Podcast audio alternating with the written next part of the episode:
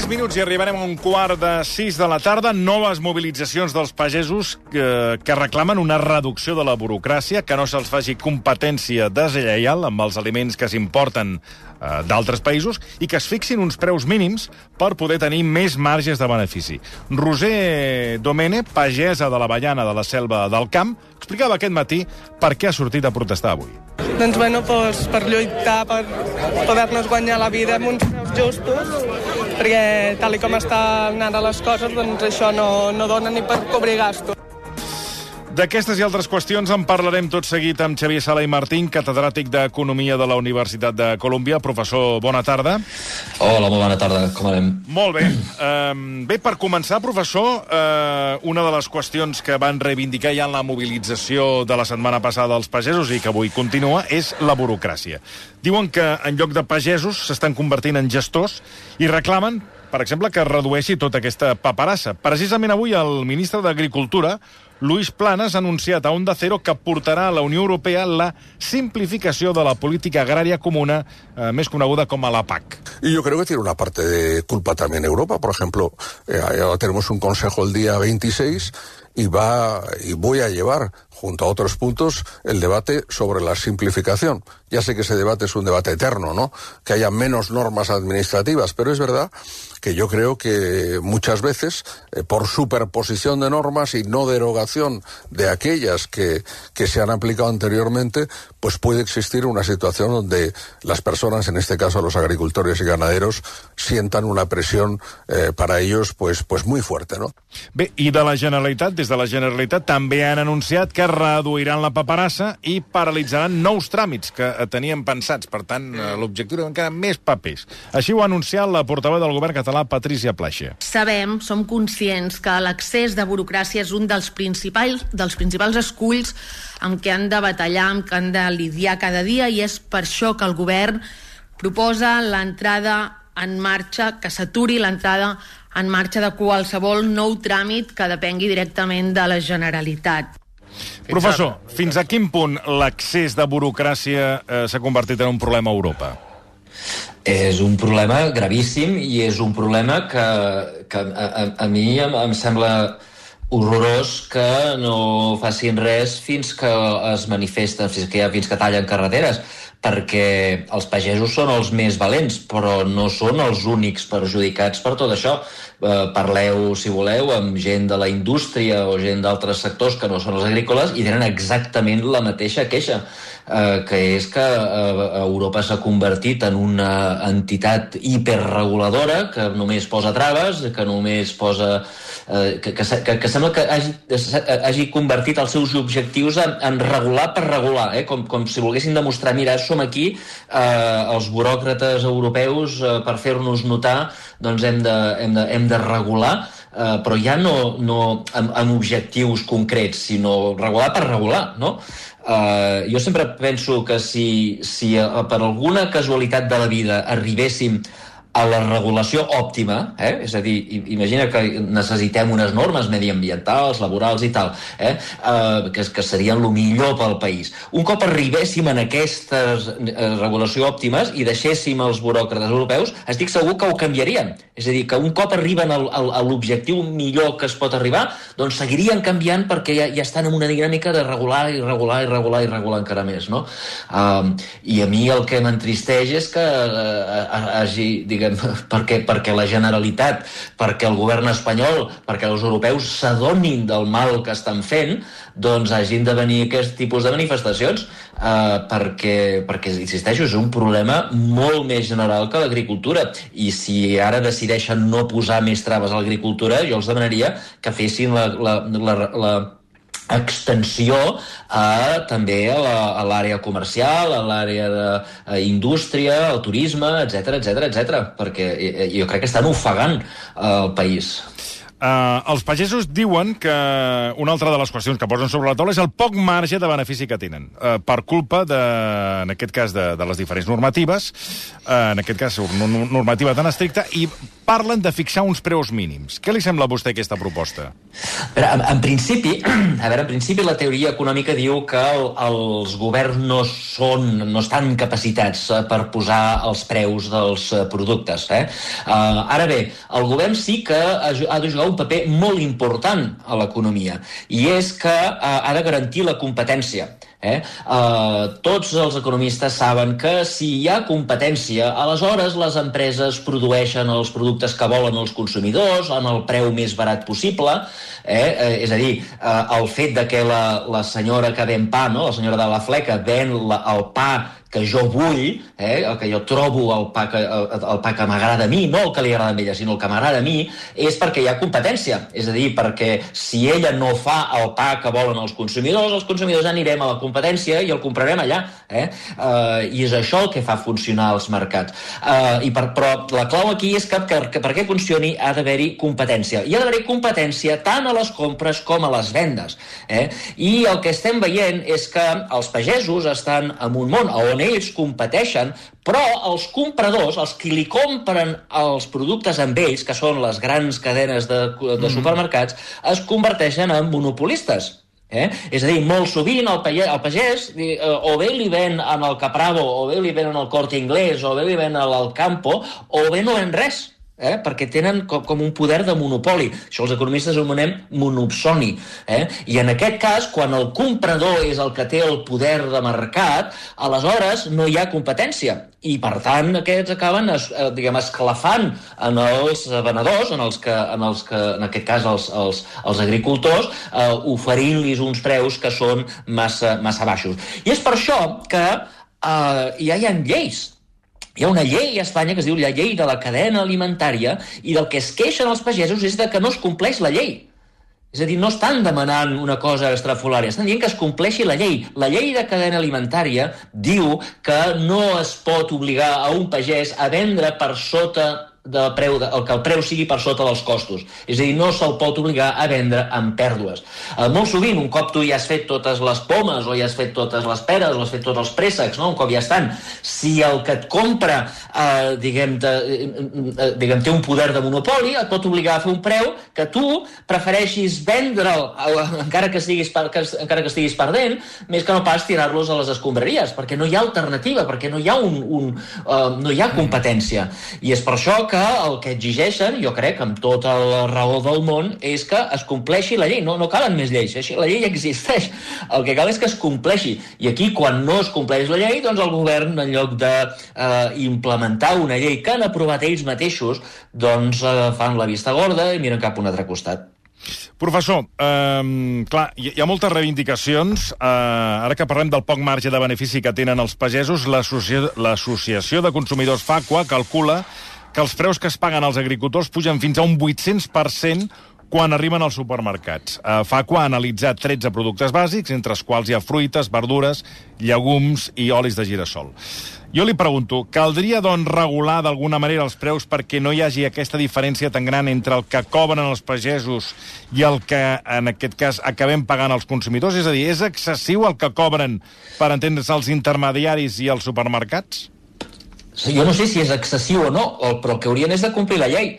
És a dir, si, si pugen els preus fins a un 500, 600, 800%, sí. eh, preu en relació al, al cost, del que rep el pagès, Uh, doncs escolta'm, fantàstic per ells, però el que s'ha de complir és que el pagès no rebi per sota del preu de mercat. És a dir, si tu li pagues al pagès un preu raonable, aleshores, si en el teu mercat els teus consumidors et compren el 800% més, doncs escolta'm, fantàstic per tu. Uh, però el que no pot ser és que aquest marge, aquest, aquest 800%, l'aconsegueixis a base d'esclafar en el comprador, perquè sí, en el, en el venedor, perdó, en l'agricultor, simplement perquè tu tens un monopsoni, simplement perquè tu tens un poder, no? com que tu tens, ets, ets, ets un comprador enorme que compres enormes quantitats de, de productes, doncs esclafes en el pobre venedor, que és el, en aquest cas l'agricultor.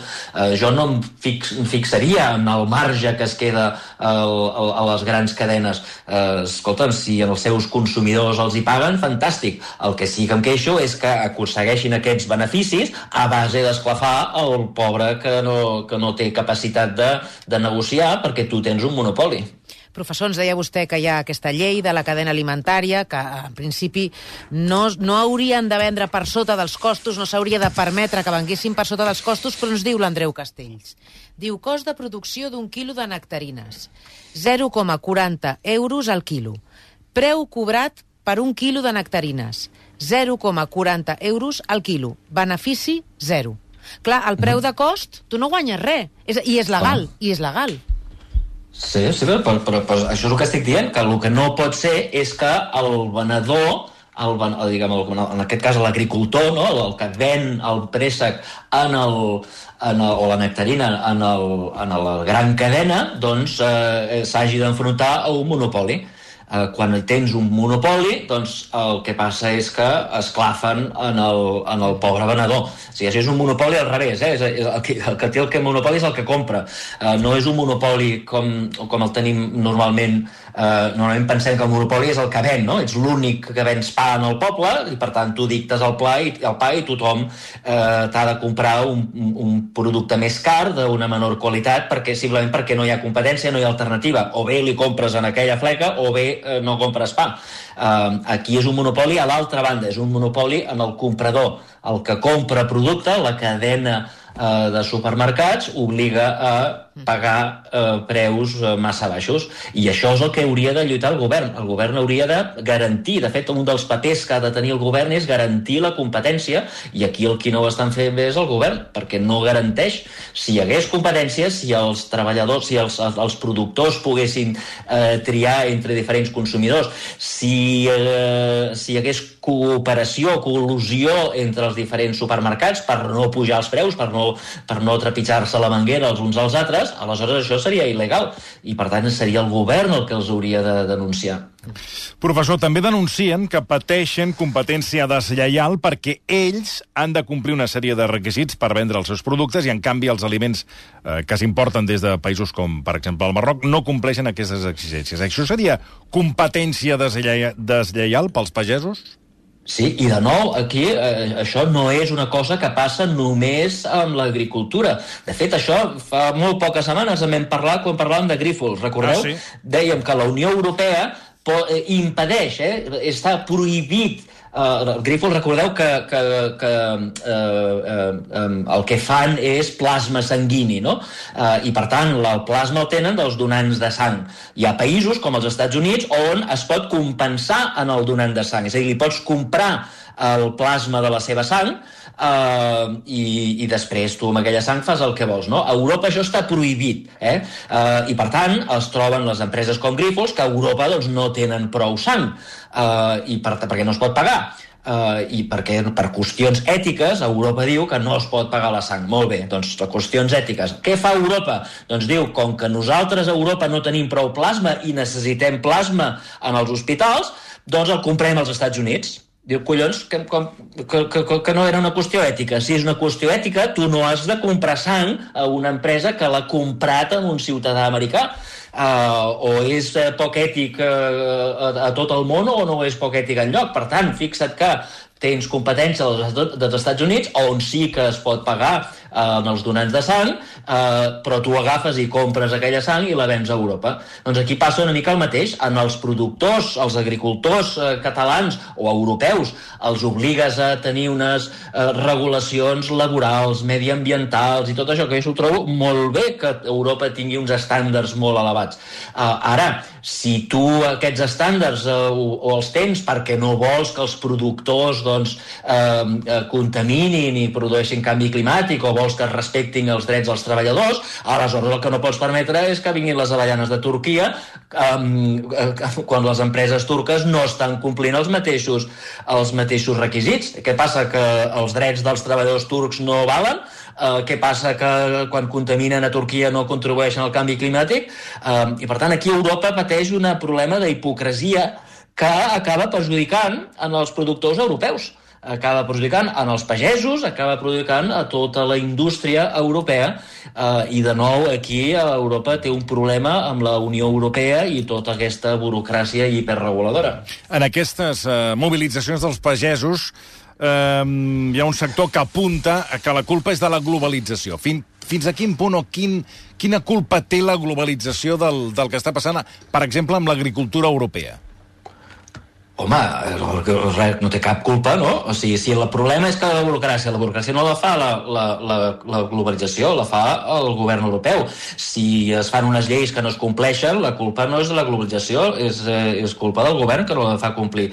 Uh, si els, la Unió Europea fa complir uns requisits, el govern de la Unió Europea fa complir uns requisits a les empreses europees, però no a les turques o a les marroquines, la culpa no és de la globalització, sinó del govern europeu. Uh, I l'altre problema del que és que queixen és el dels decrets de sequera que els obliguen amb ells a reduir la quantitat sí, d'aigua, que això no és culpa de la globalització, sinó dels decrets del govern de la Generalitat o de qui fa els decrets.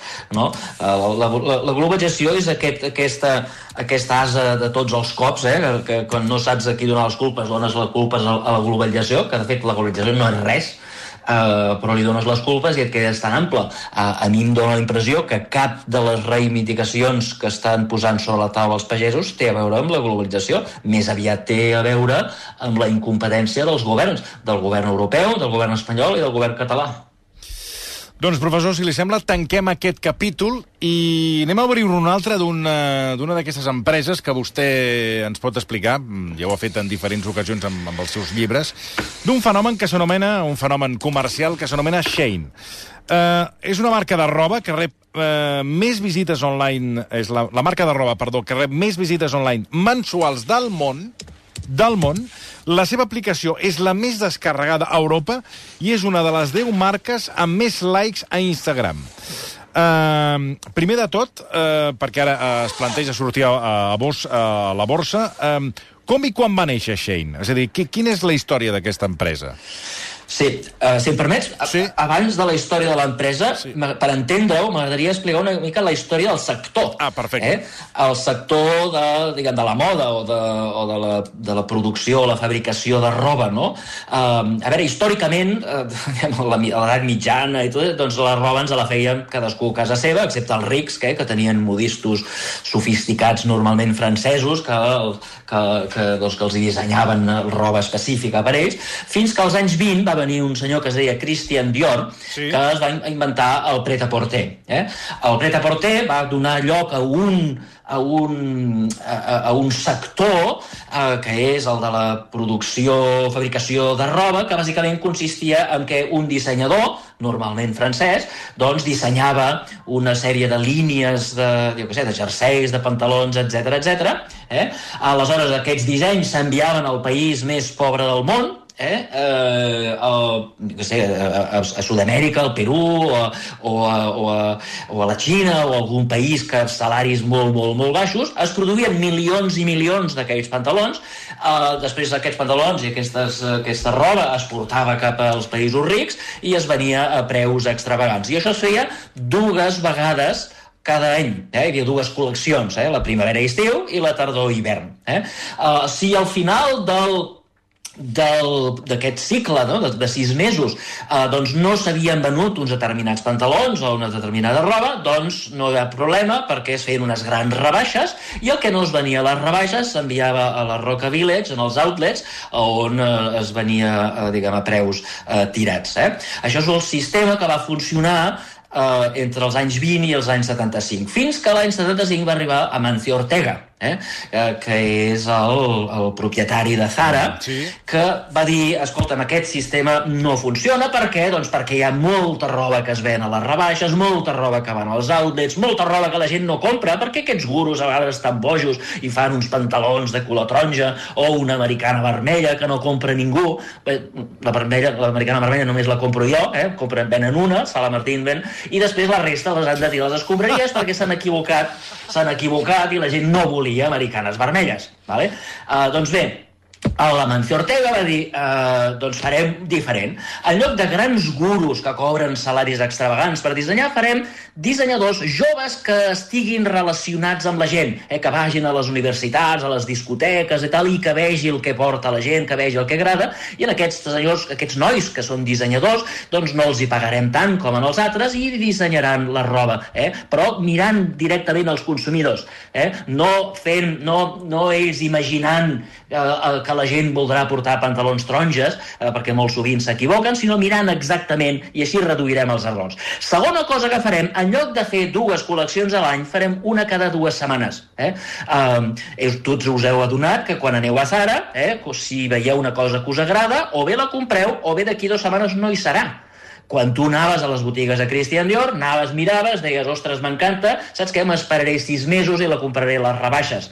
Aquí no ho pots fer. A Zara, si no, si no ho compres ara, ho perdràs perquè d'aquí dues setmanes serà tot diferent. Val? Per tant, feien moltes col·leccions a l'any, poques unitats, eh, de manera que la gent que anava a Zara o bé comprava o bé ho perdia. I, per tant, cada vegada que la gent anava a Zara, comprava més.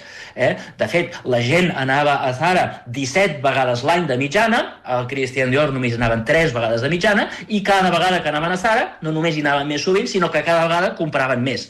Eh, I això permetia a Zara guanyar molts diners, malgrat que els preus eren molt, molt més baixos. Això va revolucionar el sector i van aparèixer imitadors com a, a H&M, Uniqlo, que Sí. feien exactament el mateix. Val? Doncs bé, en aquestes que arriben aquests xinesos, eh? Uh, una empresa que va néixer l'any eh, 2008 i que feia, que feia trajos de núvia, uh, però que l'any i que es, es deia, es deia KKOO, o sigui, un nom, molt raro, uh, i però que l'any 2015 va canviar el nom, va decidir no només vendre vestits de núvies, sinó uh, vestits de tot tipus, i a més no només per dones, sinó que després també va incluir homes, i va anar un pas més enllà. Eh? Uh, ells també, com Zara, utilitzen dissenyadors que no són famosos, però aquí la, la modernitat és que utilitzen les xarxes socials. Eh? Uh, utilitzen les xarxes socials per experimentar. Eh? Quan fan un, què sé, unes faldilles o uns pantalons o una, una americana, el que fan és produeixen un parell d'unitats, a vegades no produeixen ni unitats, eh? simplement les mostren a les xarxes socials, sobretot a TikTok, i, i allà miren la reacció de la gent. Si la cosa agrada, si veuen que tenen molts likes i que la gent reacciona bé, aleshores ho produeixen. I si no, ho llencen a les escombraries. Eh? Uh, per tant, uh, fixa't que van una mica més enllà que Zara, eh? és, a dir, no fan col·leccions a cegues uh, sabent que a millor una gran part ho perdran, hauran de tirar les escombraries o hauran d'enviar enviar a la Roca Village, sinó que només produeixen els que ells ja saben que, uh, que agradaran a la gent. Segona cosa que han fet, uh, han eliminat les botigues físiques. No hi ha botigues de Shein, eh? Tot es ven online. Ells entenen que el futur és online, que sí que hi ha una gent antiga com tu i com jo, Toni, que encara ens agraden les botiga. botigues i, i mirar i provar i tocar el tomàquet, no? I, i eh, tot això ja no... Els xavals joves, eh? és, és, és el seu objectiu, el seu target són nens de 15 a 25 anys o de 15 a 27 anys, eh, gent que està a internet, gent que eh, els, hi van, eh, els, hi, els hi envies eh, exemples del que es poden posar a l'aplicació, els ensenyes un vídeo de TikTok i diuen, clac, cliquegen i ho compren, no?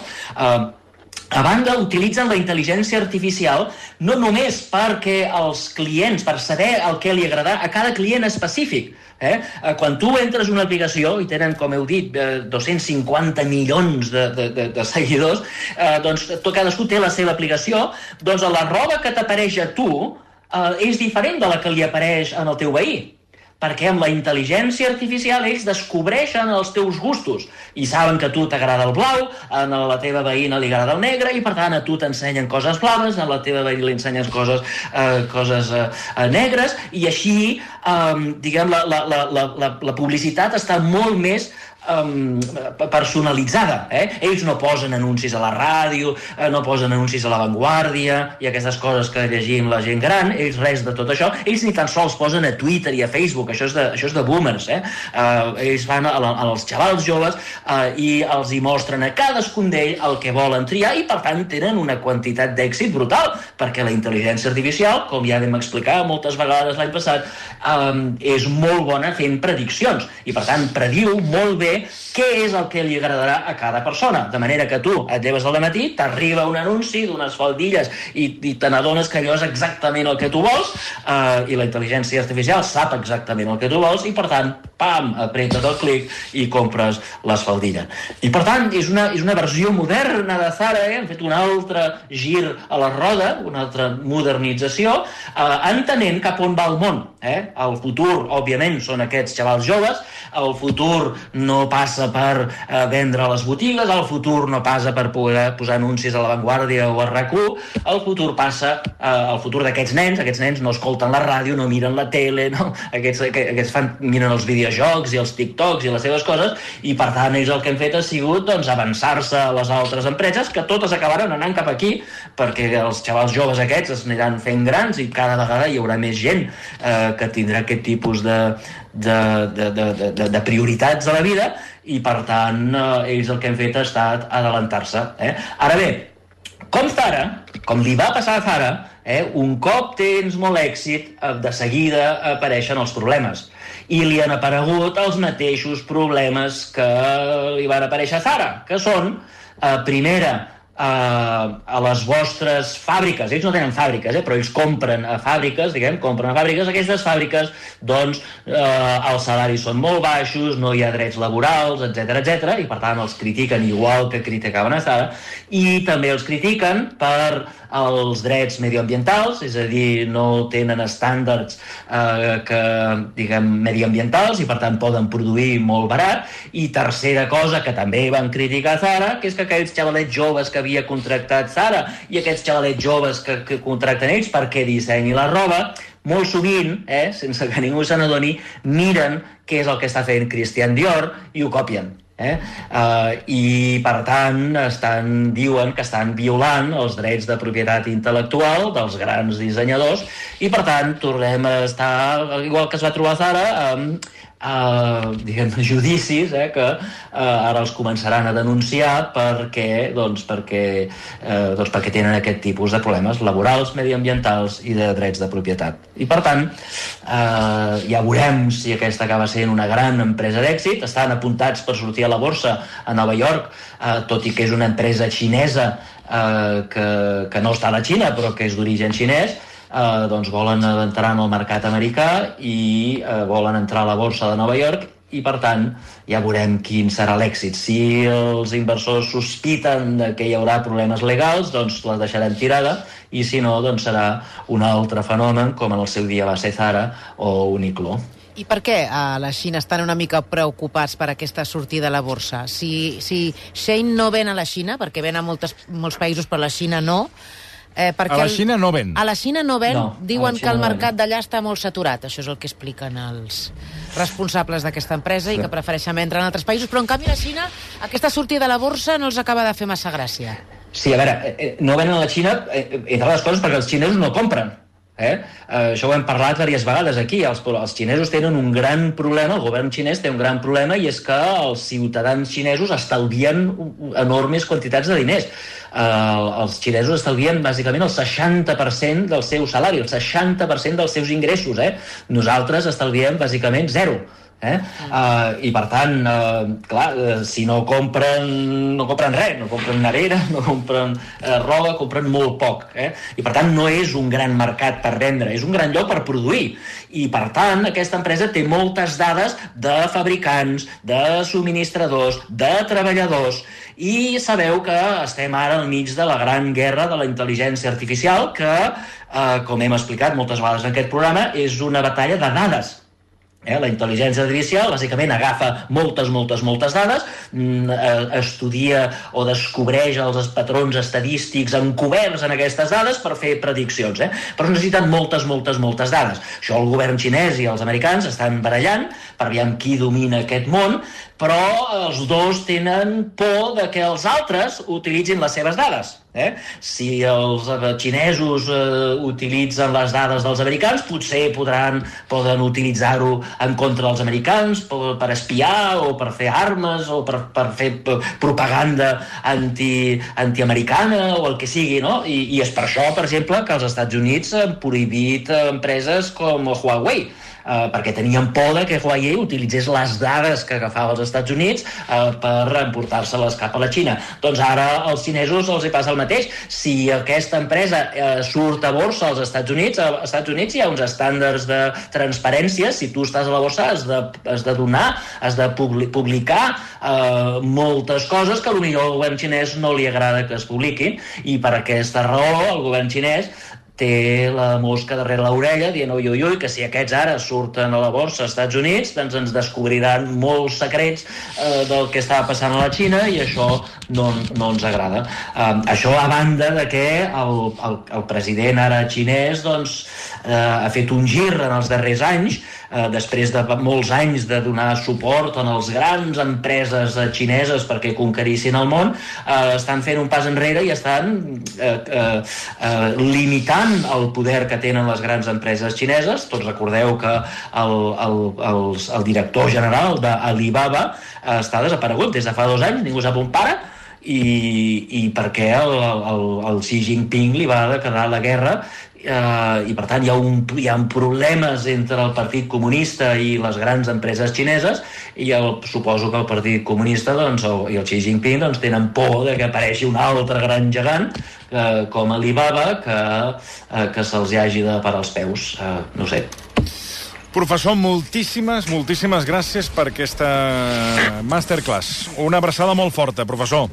Moltes gràcies a vosaltres i abraçada també. Gràcies al catedràtic d'Economia de la Universitat de Colúmbia, Xavier Sala i Martín. Fem eh, res, dos minuts de pausa i parlarem, eh, senyor Virgili, Digui. de Josefina Rifà. Ah, home, Sap de què parlem? de ràdio Doncs efectivament. catalana. De ràdio catalana.